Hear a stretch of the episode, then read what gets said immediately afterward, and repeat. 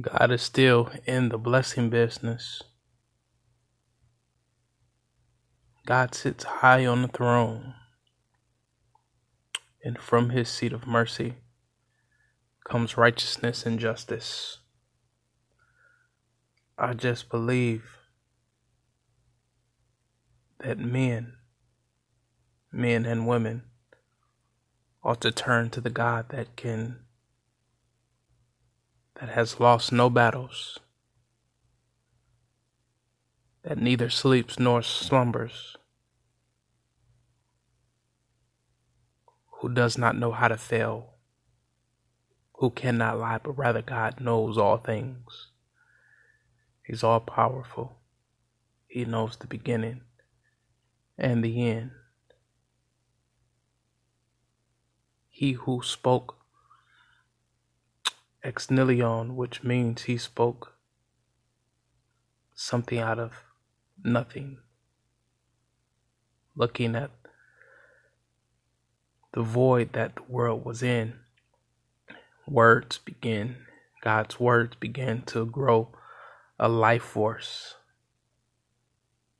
Light came out of darkness.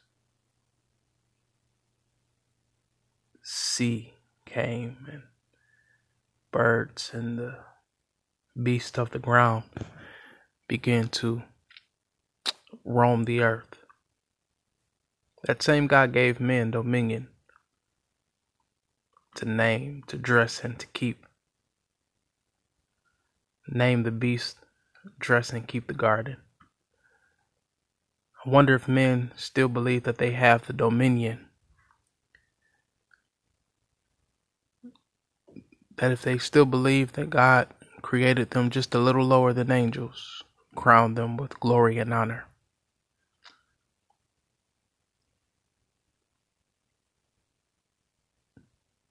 God made no mistakes when He created you.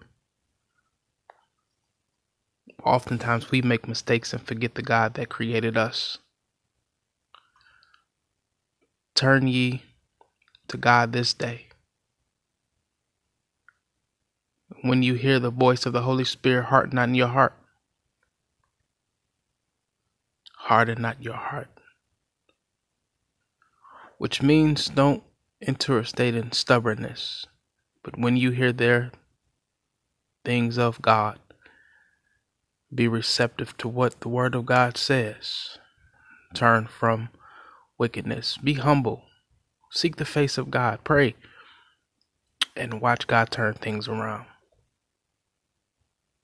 For God has not given us a spirit of fear, but of power, love, and a sound mind, a mind that can clearly make the proper judgment, discern that which is of good and, and bad. And to know that uh, no weapon formed against us shall prosper in this time. That it was spoken, God is still speaking as He spoke in the sundry times to the fathers through the prophets, that God is still speaking now you just have to turn your ear to listen to the words of God. The words of God that is still subtle. Therefore, causing one to do as Psalm 46 and 10 says Be still, know that I am Lord. Be still, know that I'm God. Be, be still, sit still, sit down. And when you sit down, you re- realize that God has created you to be in tune with everything going on around you and that you are not some entity apart, but you are a part of the greater narrative in which God has created. God is still speaking. God is still moving. God is still shining. That there are a remnant of believers who know that God is at work even right now.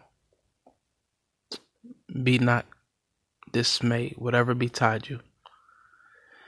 For my God will take care of you. Be pre- be blessed.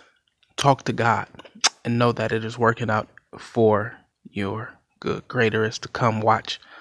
Watch me as I tell you. Greater is to come. Watch me as I tell you.